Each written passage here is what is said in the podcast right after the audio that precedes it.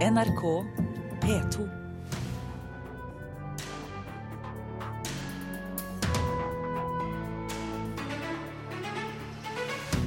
Regjeringen overtar ansvaret for byggingen av 22. juli-minnestedet på Sørbråten.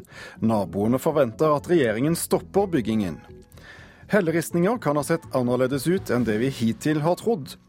Og det skrives altfor lite skjønnlitteratur fra Olje-Norge. Forfatterne er for opptatt av klima og miljø, mener Aslak Sira Myhre.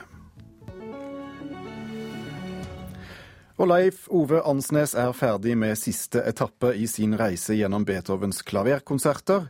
Vi anmelder den siste platen hans om litt. Det skjer i Kulturnytt i P2 og Alltid nyheter. Mitt navn er Thomas Alvarstein Ove.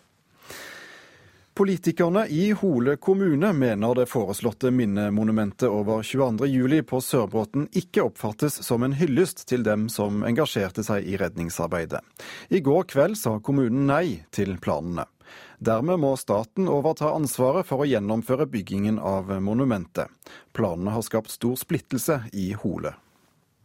Det er jo vesentlige følelser involvert i en sånn eh, sak. Eh, det har vært stor motstand lokalt blant de som bor i området, og som også var aktive deltakere i aksjonen den 22.07.2011. Sier leder i plan- og miljøutvalget i Hole kommune, Per Kristian Gomnes. Eh, og de ønsker ikke det minnestedet som den utformingen som den har fått på Sørbråten. I går vedtok utvalget med fem mot to stemmer at Hole kommune ikke beholder ansvaret for bygginga av det svært omdiskuterte minnestedet for 22.07. Kommunen har siden første stund vært kritisk til både stedet og utforminga som er valgt for minnestedet, og har følt seg overkjørt i prosessen. Vi har eh, tidligere anbefalt et annet sted for minnemonumentet, og eh, når det gjelder valg av utforming, så har vi ikke deltatt eller blitt hørt. Nå er kommunalminister Jan Tore Sanner innstilt på å overta ansvaret for utbygginga. Jeg forstår at uh, dette er en krevende og vanskelig sak for, uh, for Hole kommune. Samtidig så er uh, det viktig å få på plass et nasjonalt minnesmerke. Som nasjon så trenger vi et sted å, å sørge og også samle oss om de verdiene som ble utfordret 22.07. Så Jeg er derfor glad for at uh, Hole kommune peker på at statlig plan kan være et, uh, et egnet uh, virkemiddel, og det vil jeg veldig raskt vurdere. Leder i Utstranda Vel, Ole Morten Jensen, er også fornøyd med at kommunen har gitt sitt nei til bygging av minnestedet. Nå forventer han at regjeringa stopper byggeplanene. Ja, vi er veldig glad for at lokalpolitikerne står skulder ved skulder ved oss og signaliserer klart at dette minnesmerket her vil de ikke ha men de vil ha et annet et, eh, i likhet med oss. Vi har stor tro på at, eh, på at eh, våre lokalpolitikere nå får lov å, si meninga si framover, og, og den sier jo nei. Og Da forventer vi at, at, departementene tar det signalet på alvor og skrinlegger Sørbråten totalt. Det er de nødt til å gjøre. De kan ikke, vi kan ikke ha en regjering som overkjører demokratiet på den måten. Men kommunalministeren er innstilt på å fortsatt ha minnestedet på Sørbråten, og vil bruke det som utgangspunkt. Stedet ble pekt ut av den forrige regjeringen, og vår regjering har eh, fastholdt eh, Sørbråten. Og det er eh, kåret en, en, en vinner for, for, minnesmerket. Så det er vårt utgangspunkt, at det, det, ligger fast. Han legger også vekt på at dette skal være et nasjonalt minnested. Det er viktig å huske på at, at dette er et nasjonalt minnesmerke. Vi ble angrepet som, som, nasjon, og vi mener at det er viktig at vi får på plass et, et, et minnesmerke. Og Så skal vi lytte til de ulike synspunktene som, som, som er eh, i den videre prosessen. Det sa kommunalminister Jan Tore Sanner, reporter det var Runa Rød. Kulturkommentator Agnes Moxnes, hvorfor tar staten nå over ansvaret med å gjennomføre byggingen av dette minnestedet på Sørbråten? Det er mange grunner til det, men uh, særlig dette med at det har en veldig, blitt en veldig smertefull prosess for Hole kommune. Det har vært mange konflikter og sterke motsetninger, og, og kommunen har med rette følt seg overkjørt. Og, og hele situasjonen var i ferd med å bli veldig uverdig. Så når staten nå tar over, så løfter de byggingen og utviklingen av dette minnestedet til et eh, nasjonalt nivå. Og det er der det hører hjemme, i og med at 22.07 rammet hele Norge. Naboene til, eh, til, dette stedet, Sørbråten, håper fortsatt at prosjektet blir stoppet. Men får de viljen sin? Nei, jeg tror eh, ikke det. Samtidig så tror jeg heller ikke at naboene legger ned stridsøksa med det første. Men dette er jo som sagt et prosjekt som kom veldig skeivt ut fra hoppkanten. Og, og, eh, men samtidig så må det sies at regjeringen eh, det siste halvåret har tatt et ganske godt grep her. De har møtt naboene til Utøya. De har hørt på hva de har å si, og hørt på innvendingene deres. Og pga. det så ble byggingen og avdukingen av minnestedet eh, utsatt med et år. Og nå har altså da regjeringen tatt på seg ansvaret for det videre arbeidet. Naboene er fortsatt misfornøyd. Hvilke signaler i denne prosessen er det viktig at Jan Tore Sanner og regjeringen nå tar med seg videre? Ganske mange, bl.a. av de rent praktiske eh, tingene. Altså hvordan skal man takle økt eh, trafikk i et ganske stille og idyllisk eh, område? Skal man få på plass en gang- og sykkelsti, som har vært ønsket der i lang tid? Hvordan skal en parkeringsplass se ut? Men jeg tror nok at Jan Tore Sanner og co. er nødt til å være ekstra lydhøre når det gjelder bygdas egen opplevelse av 22. juli, fordi at da var disse naboene på plass, spilte en helt uvurderlig rolle i redningsarbeidet. Og det bør på en eller annen måte synliggjøres eller gjenspeiles i det minnestedet som nå blir bygget. Ja, Er det vel så mye bitterhet blant uh, de som var med å, redde folk 22.07, uh, som, som praktiske ting som trafikkstøy og slike ting som spiller inn i denne prosessen? Det er vanskelig for meg å konkludere på det spørsmålet der, men jeg vil si at uh, for alle som jobber med en, altså prosjekter som er i nærheten av dette her, de bør nesten gå inn og studere det som har skjedd i forlengelsen av ønsket, det gode ønsket om å bygge et, et minnested i, i Hole kommune. Agnes Moxnes, takk skal du ha.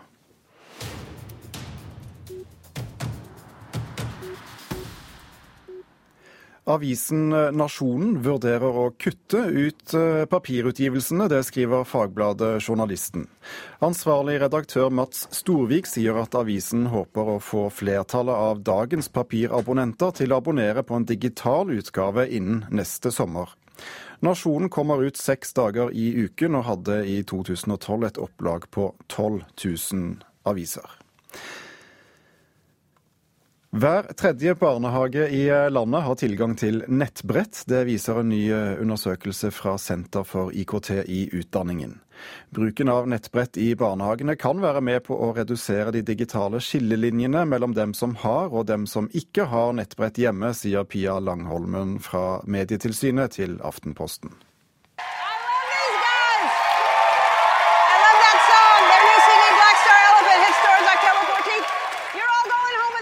Ja, Nico Vince fikk en varm mottakelse av programleder Ellen DeGeneres da de opptrådde på The Ellen Show i natt norsk tid i USA. Duoen spilte hitsingelen Am I Wrong på programmet som i snitt ses av tre millioner amerikanere. Det nye albumet deres, Black Star Elephant, slippes i Norge 6. oktober og i USA 16.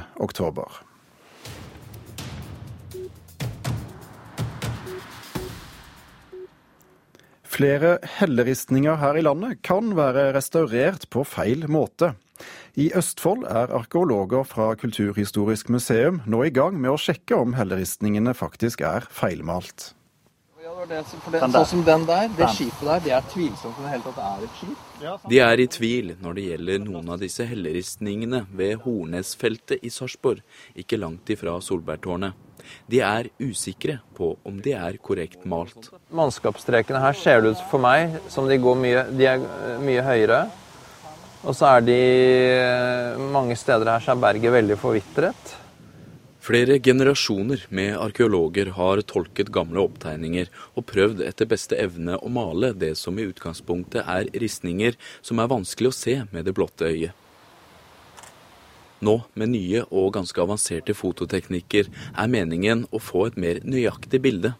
Sammen med fylkeskommunen og Riksantikvaren har Kulturhistorisk museum satt i gang dette prosjektet. Det må være, Den må formidle den slik figurene faktisk ser ut. Ikke sånn som, eh, sånn som man har trodd, eller ulike generasjoner arkeologer har trodd de har vært. Så det må, det, det må, males riktig, og det er utgangspunktet. Det må være kvalitet i den formidlingen som presenteres. Og resultatene fra undersøkelsen beviser mistanken. Ifølge arkeolog David Fugt kan man med disse bildene se at noe er feilmalt. Bildene analyseres nærmere og skal være et utgangspunkt i en videre handlingsplan. Da må vi, må vi se litt på det, hvor, hvor, mye feil det er. Om det går an å retusjere litt, om det går an å male på nytt. Det, eller om vi må finne andre presentasjonsmåter. Det vil være en lang og omfattende diskusjon. og det, Svarene på det er ikke gitt. Det som er sikkert, er at flere tusen år gamle ytringer fra bronsealderens østfoldinger fortsetter å skape undring. Gåten og de som strekker seg langt for å prøve å forstå de, vil fortsette arbeidet med å tolke ristningene, og med nå ny teknologi forhåpentligvis mer nøyaktig. Vi jobber hele tiden mot å presentere helleristningen på en så god måte som mulig. At publikum kan eh, komme og se på det og, og, og føle at de har fått en god opplevelse. Det er viktig. Ja. Reporter her, det var Martin Tangen Schmidt. Du hører på Nyhetsmorgen i NRK P2 og Alltid nyheter. Klokken den er straks eh, kvart over åtte, og dette er eh, overskriftene i nyhetsbildet nå.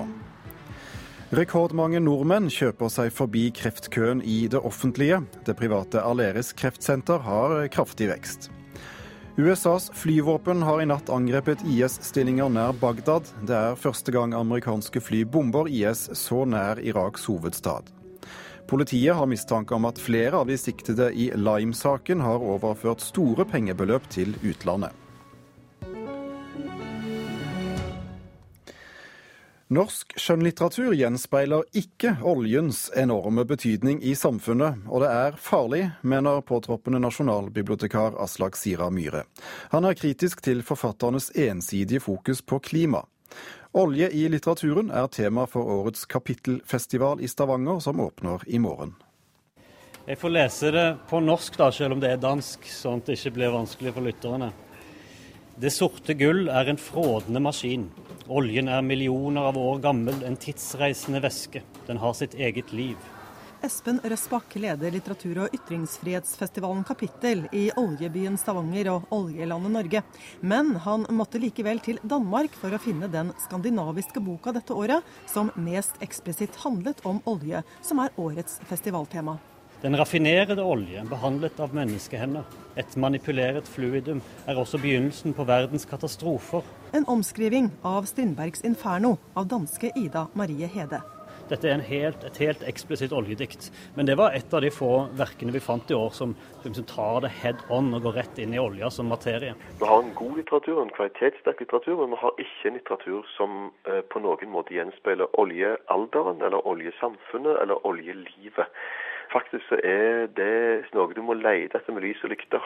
Sier Aslak Sira Myhre, litteraturhussjef i Oslo og påtroppende nasjonalbibliotekar, vokst opp i en oljeindustriarbeiderfamilie i Stavanger. Sira Myhre misliker at det er skrevet lite oljerelatert skjønnlitteratur i Norge. Nei, Jeg syns det er veldig farlig, faktisk. Altså, fordi litteraturen er med å skape oppfatningen vår av virkeligheten. Og jeg tror at mangelen på økonomi, industri, olje, arbeid i litteraturen bidrar til å skape forestillingen om at vi er et samfunn som ikke trenger ku. Altså at vi har så mye melk at vi ikke trenger ku. Og hvis du tar vekk noe så viktig for fortellingen om oss sjøl, så er det mange som står uten en fortelling om seg. Og jeg tror òg at det på sikt skiller litteraturen fra mange folk, arbeidsfolk og vanlige folk i Norge. Og det har med trender å gjøre, tror lyriker og litteraturkritiker Espen Stueland. Eh, altså, man hadde jo en boom med mm, litteratur fra industriarbeidsplasser på 70-tallet. Eh, og på 80-tallet så kom den litteraturen i vanry. Den ble ikke sett på som litterært utfordrende og spennende nok. Samtidig er oljen på full fart inn i litteratur og poesi, men nå med et annet utgangspunkt, sier Stueland, som er med i nettverket Forfatternes klimaaksjon. Det begynner å bli en kritisk litteratur som tar inn over seg at eh, klimaproblematikken eh, henger over oss alle, og at oljen er en del av, av det problemet. Da. Forfatternes klimaaksjon støttes av folk som Kjartan Fløgstad, Britt Bildøen og Herbjørg Wassmo. De skriver og driver aktivisme for å legge om norsk energipolitikk fra bruk av fossile til fornybare ressurser. Også dystopier og katastroferomaner om klima har kommet de siste årene. Men det blir for ensidig, mener Aslak Sira Myhre. Og jeg synes ofte i den debatten i Norge at olja blir redusert til bivirkningen sin. Mens i politikken er det økonomien som er viktig. Og Da har du ikke en, en oljedialog eller diskusjon, du har to monologer. Eh, og det er et problem for begge parter. Ja, jeg syns det er en eh, relevant påpekning. Sier Espen Stuland, men, legger han til Om, om ikke en kritikk av den litteraturen som finnes i dag. For det finnes jo uh, forfattere som har vært veldig opptatt av uh, å formidle erfaringer fra arbeidsplassen. F.eks. en poet som Bjørn Aamodt, som kalles den siste arbeiderdikteren i, i, Norge. Det skjer ganske mye, og ikke minst uh, skjer det veldig mye i poesien. da. Og reporter i Oljebyen, det er Anette Johansen Espeland.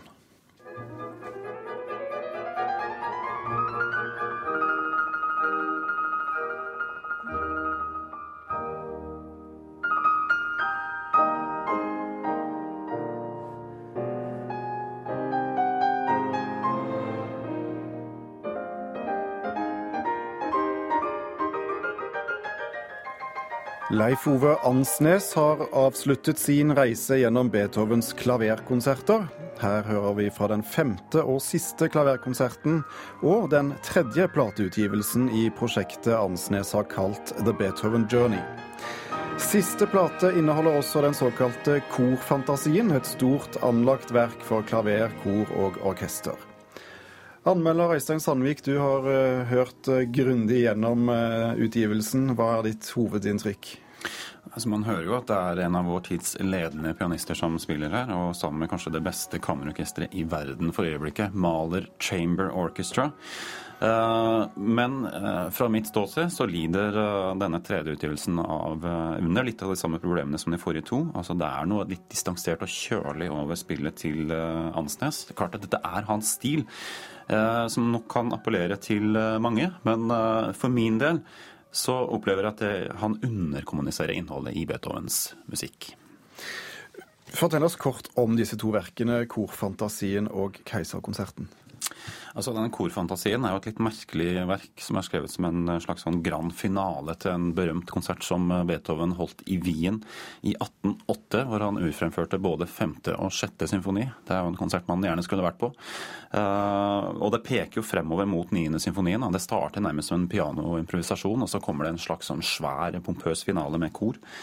Uh, mens Casey-konserten er jo da hans uh, siste klaverkonsert, og den ble jo mønsterdannende da for de romantiske klaverkonsertene. Det er en stort anlagt dramatisk førstesats, en mer folkelig sistesats og en refleksiv mellomsats, som krever da en god del inderlighet fra pianisten.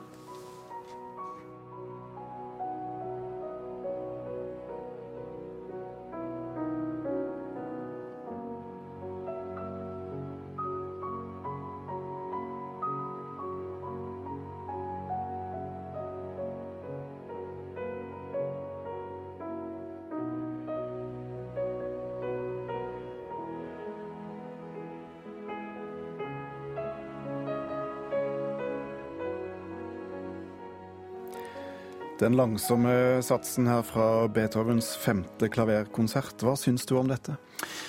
Jeg syns det låter litt eh, karakterløst, må jeg dessverre si. Eh, orkesterinnledningen eh, uttrykksfattig, litt uttrykksfattig, og det fortsetter med det som jeg opplever som uengasjerende spill.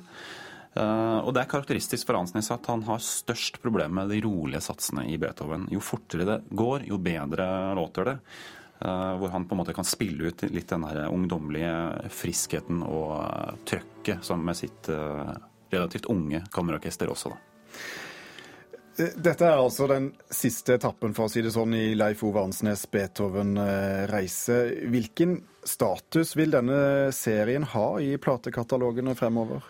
Altså, Ansnes er en god pianist, og dette holder jo et høyt nivå. Eh, samtidig så er det sånn at de største pianistene har spilt inn dette. Wilhelm Kempf, Alfred Brøndel, Andras Schiff. Og i det perspektivet, i det selskapet, så blir det litt for uklart hva Ansnes egentlig vil med denne musikken.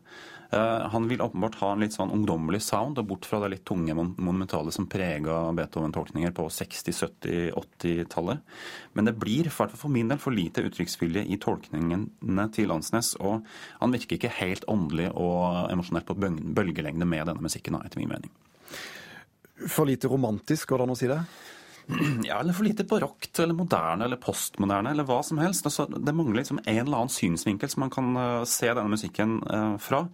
Uh, men det må sies at det fungerer bedre i korfantasien, faktisk, hvor Ansnes har med seg da det fabelaktige Praha filharmoniske kor. Og kanskje et verk som Dette er jo et verk som ingen noensinne har regna som Beethovens ypperste bragd. Og kanskje nettopp derfor så er det anses for at han må legge inn et ekstra gir da, for å få no, helt nå ut til publikum. La oss høre på det siste giret her.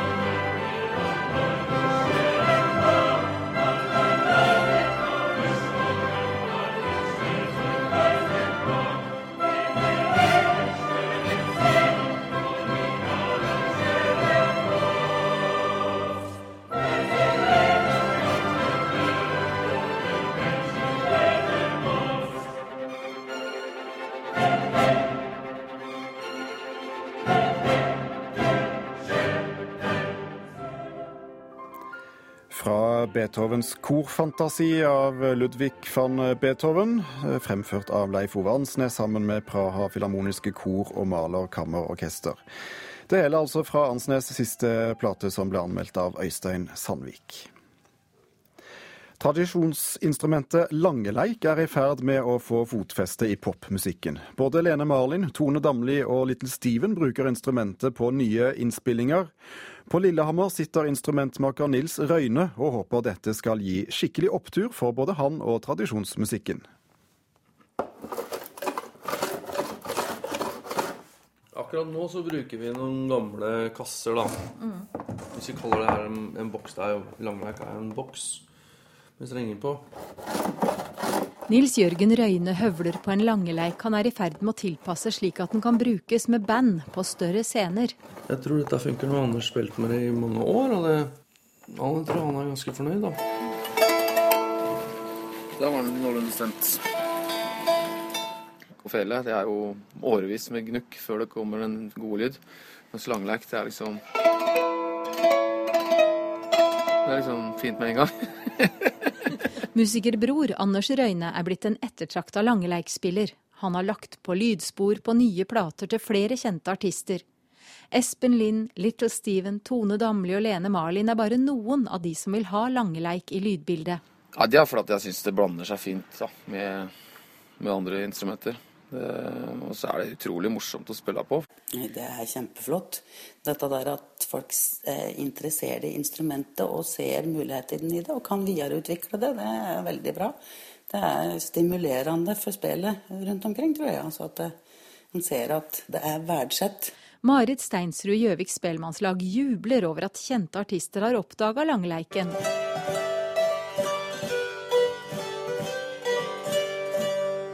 Det er slik den vanligvis høres ut. Åtte strenger spent over ei lang, smal kasse med stemmeskruer i den ene eller begge ender.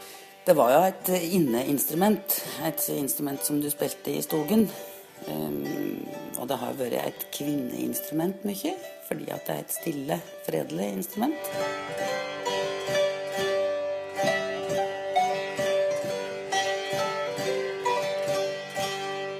Nær sagt alle hus hadde en langeleik, og knotter til å regulere tonehøyde var stemt og limt fast etter øret til den som spilte. Slik ble skalaene forskjellige og tonehøydene ulike fra sted til sted. Det var rett og slett ikke mulig å spille sammen. Her så prøver vi å lage noe helt nytt, da. Vi prøver liksom å favne om det gamle og lage noe nytt. Instrumentmaker Nils har funnet en løsning som musikerbror Anders har brukt med stor suksess de siste åra. Den uh, har for det første et uh, mikk-system, mikrofonsystem. Sånn at når jeg kommer på en eh, scene, så har jeg en plugg som kommer fra langleiken, og der veit jeg at det er bra lyd ut av den. Det er viktig. Og så har den et capo-system, så jeg kan spille i flere tonearter. Det kan du jo ikke da på langleiker normalt. Nei, vi har, har lyst til å bli millionær, da, som alle, så håper jeg tar det helt av til skyene. Nei eh, Jeg tror at det går an at det kan gå an å selge noen instrumenter. Vi tror jo det. Men eh, selve den eh, Henry Ford samlebånd-greia er ikke helt på plass ennå. Det er morsomt hvis det er noen, noen bra folk som ringer og er interessert. Det og reporter i denne saken, det var Jorunn Wang.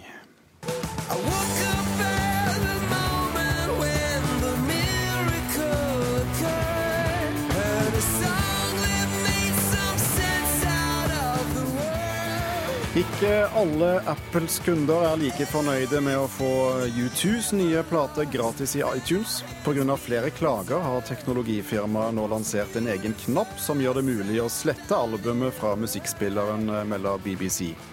Platen ble gitt bort til rundt 500 millioner iTunes-brukere i 119 land i forbindelse med Apples lansering av iPhone 6 i forrige uke. Og vi tar med at George Clooney kommer til å motta hedersprisen under neste års Golden Globe-utdeling. Det skriver Reuters. George Clooney får prisen pga. hans humanitære arbeid, bl.a. for motstanden eh, mot folkemordet i Darfur. Hedersprisen har tidligere blitt vunnet av bl.a. Woody Allen, Robert De Niro og Martin Scorsese. Og dermed er Kulturnytt eh, slutt for i dag. Hanne Lunås, Espen eh, Alnes og Thomas Alvarstein Ove takker for følget.